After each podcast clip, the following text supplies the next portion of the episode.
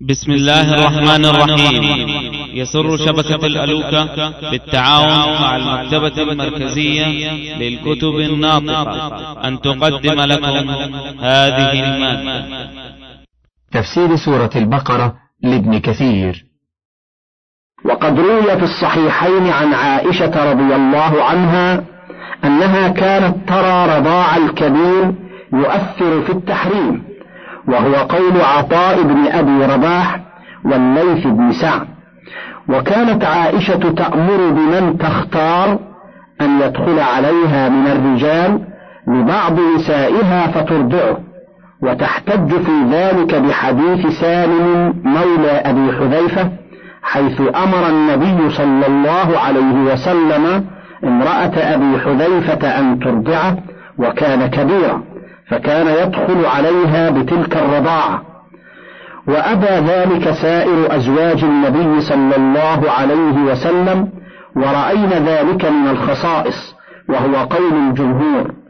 وحجة الجمهور وهم الأئمة الأربعة والفقهاء السبعة والأكابر من الصحابة وسائر أزواج رسول الله صلى الله عليه وسلم سوى عائشة ما ثبت في الصحيحين عن عائشة أن رسول الله صلى الله عليه وسلم قال انظرن من إخوانكن فإنما الرضاعة من المجاعة. وسيأتي الكلام على مسائل الرضاع وفيما يتعلق برضاع الكبير عند قوله تعالى وأمهاتكم اللاتي أرضعنكم. وقوله وعلى المولود له رزقهن وكسوتهن بالمعروف أي وعلى والد الطفل نفقة الوالدات وكسوتهن بالمعروف أي بما جرت به عادة أمثالهن في بلدهن من غير إسراف ولا إقتار بحسب قدرته في يساره وتوسطه وإقتاره كما قال تعالى لينفق ذو سعة من سعته ومن قدر عليه رزقه فلينفق مما آتاه الله. لا يكلف الله نفسا إلا ما آتاها. سيجعل الله بعد عسر يسرا. قال الضحاك إذا طلق زوجته وله منها ولد فأرضعت له ولده وجب على الوالد نفقتها وكسوتها بالمعروف. وقوله لا تضار والدة بولدها أي بأن تدفعه عنها لتضر أباه بتربيته. ولكن ليس لها دفعه إذا ولدته حتى تسقيه اللبأ الذي لا يعيش بدون تناوله غالبا. ثم بعد هذا لها دفعه عنها إذا شاءت. ولكن إن كانت مضارة لأبيه فلا يحل لها ذلك. كما لا يحل له انتزاعه منها لمجرد الضرار لها. ولهذا قال ولا مولود له بولده. أي بأن يريد أن ينتزع الولد منها إضرارا بها. قاله مجاهد وقتادة والضحاك والزهري والسدي والثوري وابن زيد وغيرهم.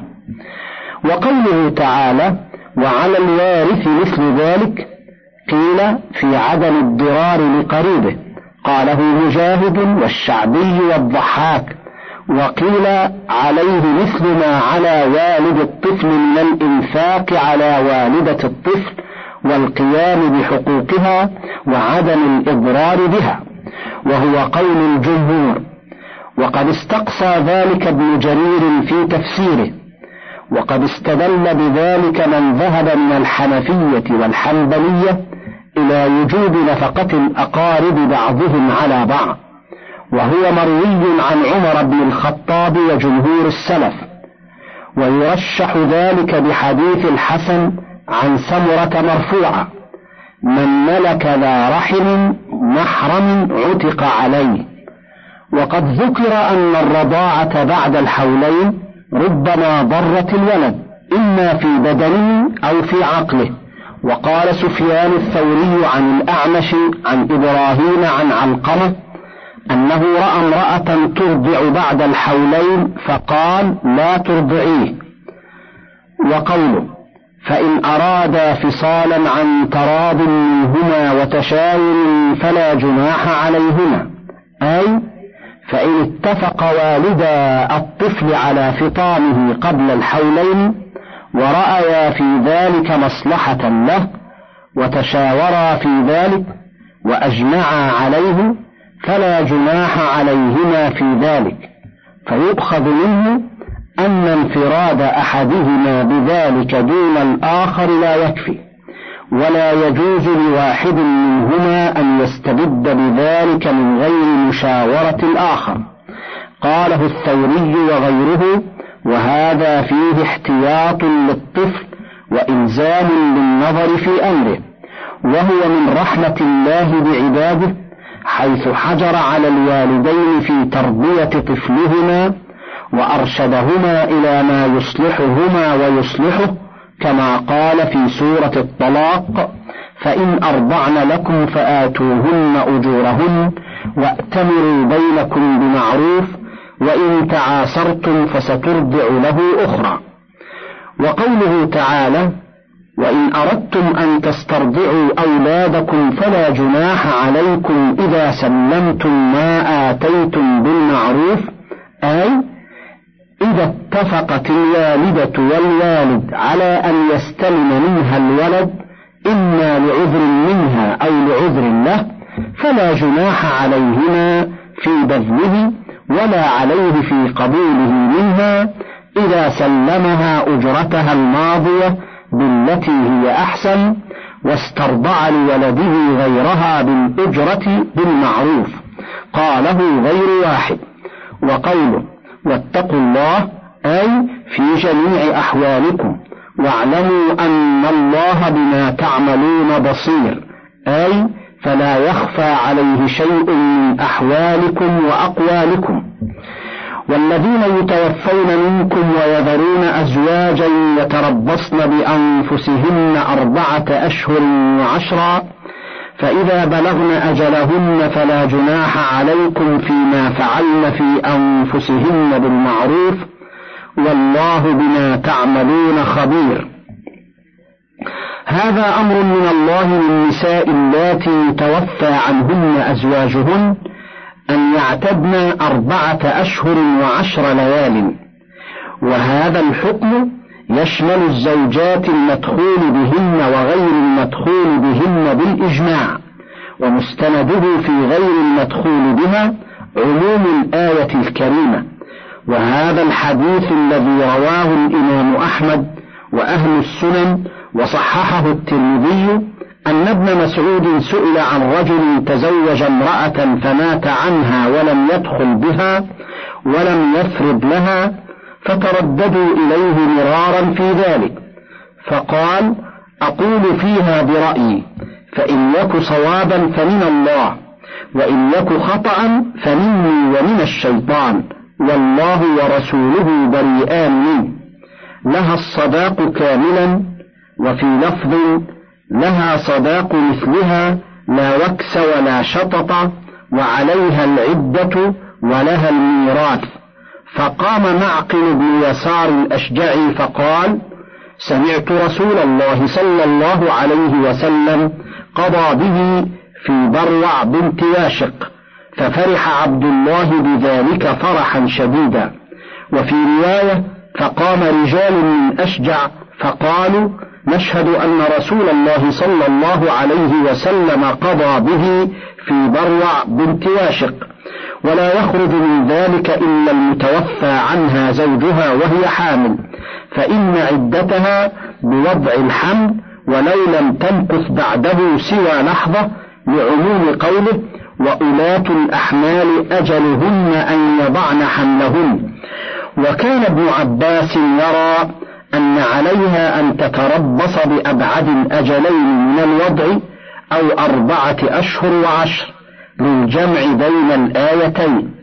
وهذا مأخذ جيد ومسلك قوي لولا ما ثبتت به السنة في حديث سبيعة الأسلمية المخرج في الصحيحين من غير وجه أنها توفي عنها زوجها سعد بن خولة وهي حامل فلم تنشب أن وضعت حملها بعد وفاته وفي رواية فوضعت حملها بعده بليال. فلما تعلت من نفاسها تجملت للخطاب فدخل عليها أبو السنابل بن بعتك فقال لها ما لي أراك متجملة لعلك ترجين النكاح؟ والله ما أنت بناكح حتى يمر عليك أربعة أشهر وعشر. قالت سبيعة فلما قال لي ذلك جمعت علي ثيابي حين أمسيت فأتيت رسول الله صلى الله عليه وسلم فسألته عن ذلك فأفتاني بأني قد حللت حين وضعت حملي وأمرني بالتزويج إن بدا لي. قال أبو عمر بن عبد البر وقد روي أن ابن عباس رجع إلى حديث سبيعة يعني لما احتج عليه به. قال ويصحح ذلك عنه أن أصحابه أفتوا بحديث سبيعة كما هو قول أهل العلم قاطبة. وكذلك يستثنى من ذلك الزوجة إذا كانت أمة فإن عدتها على النصف من عدة الحرة شهران وخمس ليال على قول الجمهور. لأنها لما كانت على النصف من الحرة في الحد فكذلك فلتكن على النصف منها في العدة. ومن العلماء كمحمد بن سيرين وبعض الظاهرية من يسوي بين الزوجات الحرائر والإماء في هذا المقام. لعموم الآية ولأن العدة من باب الأمور الجبلية التي تستوي فيها الخليقة. وقد ذكر سعيد بن المسيب وأبو العالية وغيرهما أن الحكمة في جعل عدة الوفاة أربعة أشهر وعشرا لاحتمال اشتمال الرحم على حمل فإذا انتظر به هذه المدة ظهر إن كان موجودا. كما جاء في حديث ابن مسعود الذي في الصحيحين وغيرهما إن خلق أحدكم يجمع في بطن أمه أربعين يوما نطفة ثم يكون علقة مثل ذلك ثم يكون مضغة مثل ذلك ثم يبعث إليه الملك فينفخ فيه الروح. فهذه ثلاث أربعينات بأربعة أشهر. والاحتياط بعشر بعدها لما قد ينقص بعض الشهور ثم لظهور الحركة بعد نفخ الروح فيه والله أعلم. قال سعيد بن أبي عروبة عن قتادة سألت سعيد بن المسيب ما بال العشر؟ قال فيه ينفخ الروح. وقال الربيع بن أنس قلت لأبي العالية لم صارت هذه العشر مع الأشهر الأربعة قال لأنه ينفخ فيه الروح. رواهما ابن جرير. ومنها هنا ذهب الإمام أحمد في رواية عنه إلى أن عدة أم الولد عدة الحرة ها هنا لأنها صارت فراشا كالحرائر. وللحديث الذي رواه الإمام أحمد عن يزيد بن هارون عن سعيد بن أبي عروبة عن قتادة عن رجاء بن حيوة عن قبيصة بن ذؤيب عن عمرو بن العاص أنه قال لا تلبسوا علينا سنة نبينا عدة أم الولد إذا توفي عنها سيدها أربعة أشهر وعشر. ورواه أبو داود عن قتيبة عن غندر وعن ابن المثنى عن عبد الأعلى. وابن ماجة عن علي بن محمد عن الربيع ثلاثتهم عن سعيد بن أبي عروبة عن مطر الوراق عن رجاء بن حيوة عن قبيصة عن عمرو بن العاص فذكر. وقد روي عن الإمام أحمد أنه أنكر هذا الحديث وقيل إن قبيصة لم يسمع عمرا. وقد ذهب إلى القول بهذا الحديث طائفة من السلف منهم سعيد بن المسيب ومجاهد وسعيد بن جبير والحسن وابن سيرين وأبو عياض والزهري وعمر بن عبد العزيز وبه كان يأمر يزيد بن عبد الملك بن مروان وهو أمير المؤمنين وبه يقول الأوزاعي وإسحاق بن راهويه وأحمد بن حنبل في رواية عنه.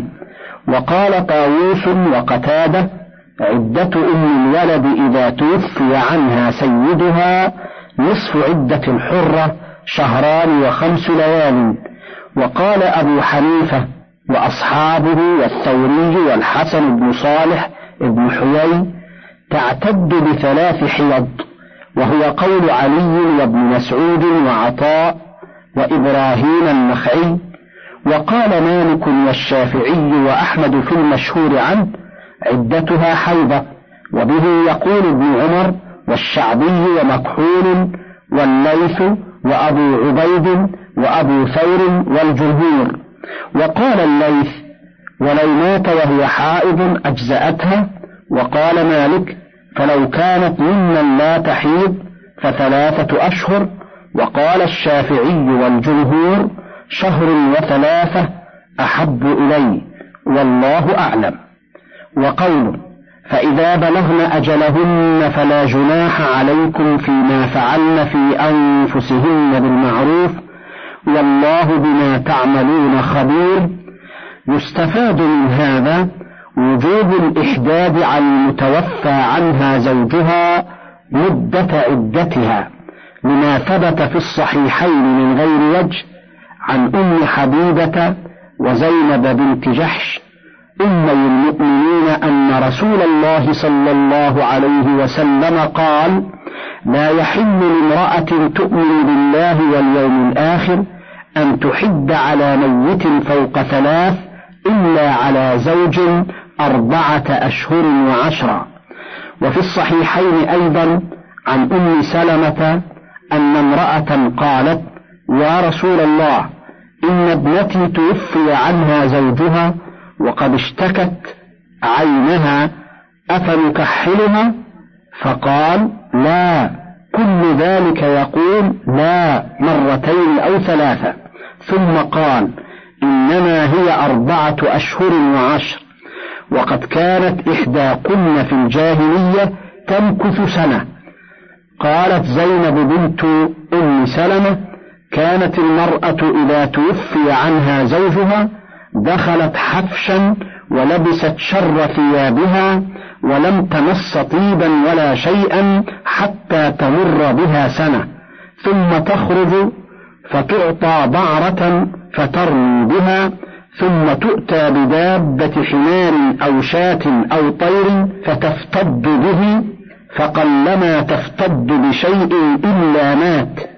ومنها هنا ذهب كثيرون من العلماء إلى أن هذه الآية ناسخة للآية التي بعدها وهي قوله والذين يتوفون منكم ويذرون أزواجا وصية لأزواجهم متاعا إلى الحول غير إخراج الآية. كما قاله ابن عباس وغيره. وفي هذا نظر كما سيأتي تقريره والغرض أن الإحداد هو عبارة عن ترك الزينة من الطيب ولبس ما يدعوها إلى الأزواج من ثياب وحلي وغير ذلك وهو واجب في عدة الوفاة قولا واحدا ولا يجب في عدة الرجعية قولا واحدا وهل يجب في عدة البائن؟ فيه قولان ويجب الإحداد على جميع الزوجات المتوفى عنهن أزواجهن سواء في ذلك الصغيرة والآيسة والحرة والأمة والمسلمة والكافرة لعموم الآية. وقال الثوري وأبو حنيفة وأصحابه لا إحداد على الكافرة وبه يقول أشهب وابن نافع من أصحاب مالك. وحجة قائل هذه المقالة قوله صلى الله عليه وسلم لا يحل لامرأة تؤمن بالله واليوم الآخر أن تحد على ميت فوق ثلاث إلا على زوج أربعة أشهر وعشرة قالوا فجعله تعبدا وألحق أبو حنيفة وأصحابه والثوري الصغيرة بها لعدم التكليف وألحق أبو حنيفة وأصحابه الأمة المسلمة لنقصها ومحل تقرير ذلك كله في كتب الأحكام والفروع والله الموفق للصواب. وقوله فإذا بلغن أجلهن أي انقضت عدتهن قاله الضحاك والربيع بن أنس فلا جناح عليكم قال الزهري أي على أوليائها. فيما فعلن يعني النساء اللاتي انقضت عدتهن. قال الوني عن ابن عباس إذا طلقت المرأة أو مات عنها زوجها فإذا انقضت عدتها فلا جناح عليها أن تتزين وتتصنع وتتعرض للتزويج فذلك المعروف. وروي عن مقاتل بن حيان نحوه. وقال ابن جريج عن مجاهد فلا جناح عليكم فيما فعلن في أنفسهن بالمعروف قال النكاح الحلال الطيب. وروي عن الحسن والزهري والسدي نحو ذلك. ولا جناح عليكم فيما عرضتم به من خطبة النساء أو أكننتم في أنفسكم. علم الله أنكم ستذكرونهن ولكن لا لكن لا تواعدوهن سرا إلا أن تقولوا قولا معروفا ولا تعزموا عقدة النكاح حتى يبلغ الكتاب أجله واعلموا أن الله يعلم ما في أنفسكم فاحذروه واعلموا أن الله غفور حليم. يقول تعالى ولا جناح عليكم أن تعرضوا بخطبة النساء في عدتهن من وفاة أزواجهن من غير تصريح. قال الثوري وشعبة وجرير وغيرهم عن منصور عن مجاهد عن ابن عباس في قوله ولا جناح عليكم فيما عرضتم به من خطبة النساء قال التعريض أن يقول إني أريد التزويج وإني أحب امرأة من أمرها ومن أمرها. يعرض لها بالقول بالمعروف. وفي رواية وددت أن الله رزقني امرأة ونحو هذا ولا ينتصب للخطبة. وفي رواية إني لا أريد أن أتزوج غيرك إن شاء الله. ولوددت أني وجدت امرأة صالحة ولا ينتصب لها ما دامت في عدتها. ورواه البخاري تعليقا فقال وقال لي طلق بن غنام عن زائدة عن منصور عن مجاهد عن ابن عباس ولا جناح عليكم فيما عرضتم به من خطبة النساء هو أن يقول إني أريد التزويج وإن النساء لمن حاجتي ولوددت أن ييسر لي امرأة صالحة. وهكذا قال مجاهد وطاووس وعكرمة وسعيد بن جبير وإبراهيم النخعي والشعبي والحسن وقتادة والزهري ويزيد بن قصيط ومقاتل بن حيان والقاسم بن محمد وغير واحد من السلف والأئمة في التعريض إنه يجوز للمتوفى عنها زوجها من غير تصريح لها بالخطبة. وهكذا حكم المطلقة المبتوتة يجوز التعريض لها كما قال النبي صلى الله عليه وسلم لفاطمة بنت قيس حين طلقها زوجها أبو عمرو ابن حفص آخر ثلاث تطليقات فأمرها أن تعتد في بيت ابن أم مكتوم وقال لها فإذا حللت فآذنيني فلما حلت خطب عليها أسامة بن زيد مولاه فزوجها إياه. فأما المطلقة فلا خلاف في أنه لا يجوز لغير زوجها التصريح بخطبتها ولا التعريض لها والله أعلم. وقوله أو أكننتم في أنفسكم أي أضمرتم في أنفسكم من خطبتهن وهذا كقوله تعالى وربك يعلم ما تكن صدورهم وما يعلنون وكقوله وأنا, وأنا أعلم بما أخفيتم وما أعلنتم ولهذا قال علم الله أنكم ستذكرونهن أي في أنفسكم فرفع الحرج عنكم في ذلك ثم قال ولكن لا تواعدوهن سرا. قال أبو مجلس وأبو الشعثاء جابر بن زيد والحسن البصري وإبراهيم النخعي وقتادة والضحاك والربيع بن أنس وسليمان التيمي ومقاتل بن حيان والسدي يعني الزنا وهو معنى رواية العوفي عن ابن عباس. واختاره ابن جرير. وقال علي بن أبي طلحة عن ابن عباس ولكن لا تواعدوهن سرا لا تقل لها إني عاشق وعاهدوني ألا تتزوجي غيري ونحو هذا. وكذا روي عن سعيد بن جبير والشعبي وعكرمة وأبو الضحى والضحاك والزهري ومجاهد والثوري هو أن يأخذ ميثاقها ألا تتزوج غيره. وعن مجاهد هو قول الرجل للمرأة لا تفوتيني بنفسك فإني ناكحك. وقال قتادة هو أن يأخذ عهد المرأة وهي في عدتها ألا تنكح غيره فنهى الله عن ذلك وقدم فيه وأحل الخطبة والقول بالمعروف.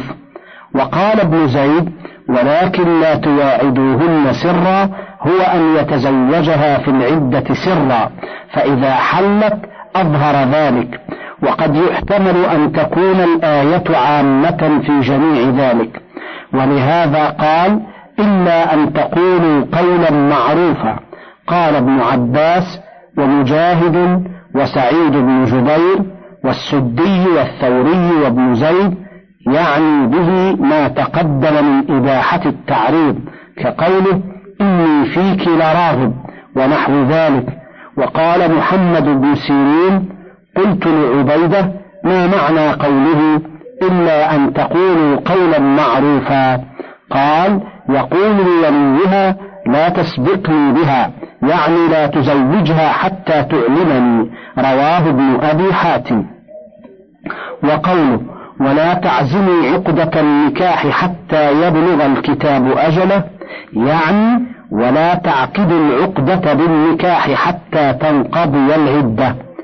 قال ابن عباس ومجاهد والشعبي وقتادة والربيع بن أنس وأبو مالك وزيد بن أسلم ومقاتل بن حيان والزهري وعطاء الخراسان والسدي والثوري والضحاك حتى يبلغ الكتاب أجله يعني ولا تعقدوا العقد بالنكاح حتى تنقضي العدة. وقد أجمع العلماء على أنه لا يصح العقد في مدة العدة واختلفوا في من تزوج امرأة في عدتها فدخل بها فإنه يفرق بينهما. وهل تحرم عليه أبدا؟ على قولين. الجمهور على أنها لا تحرم عليه بل له أن يخطبها إذا انقضت عدتها. وذهب الإمام مالك إلى أنها تحرم عليه على التأديب واحتج في ذلك بما رواه عن ابن شهاب وسليمان بن يسار أن عمر رضي الله عنه قال أيما امرأة نكحت في عدتها فإن كان زوجها الذي تزوج بها لم يدخل بها فرق بينهما. ثم اعتدت بقية عدتها من زوجها الأول وكان خاطبا من الخطاب. وإن كان دخل بها فرق بينهما. ثم اعتدت بقية عدتها من زوجها الأول ثم اعتدت من الآخر ثم لم ينكحها أبدا. قالوا ومأخذ هذا أن الزوج لما استعجل ما أجل الله عوقب بنقيض قصده فحرمت عليه على التأديب كالقاتل يحرم الميراث. وقد روى الشافعي هذا الأثر عن مالك قال البيهقي وذهب إليه في القديم ورجع عنه في الجديد لقول علي أنها تحل له. قلت قال ثم هو منقطع عن عمر. وقد روى الثوري عن أشعث عن الشعبي عن مسروق أن عمر رجع عن ذلك وجعل لها مهرها وجعلهما يجتمعان. وقوله واعلموا أن الله يعلم ما في أنفسكم فاحذروه توعدهم على ما يقع في ضمائرهم من أمور النساء وأرشدهم إلى إضمار الخير دون الشر ثم لم يؤسهم من رحمته ولم يقنطهم من عائدته فقال واعلموا أن الله غفور رحيم. من فضلك تابع بقية المادة.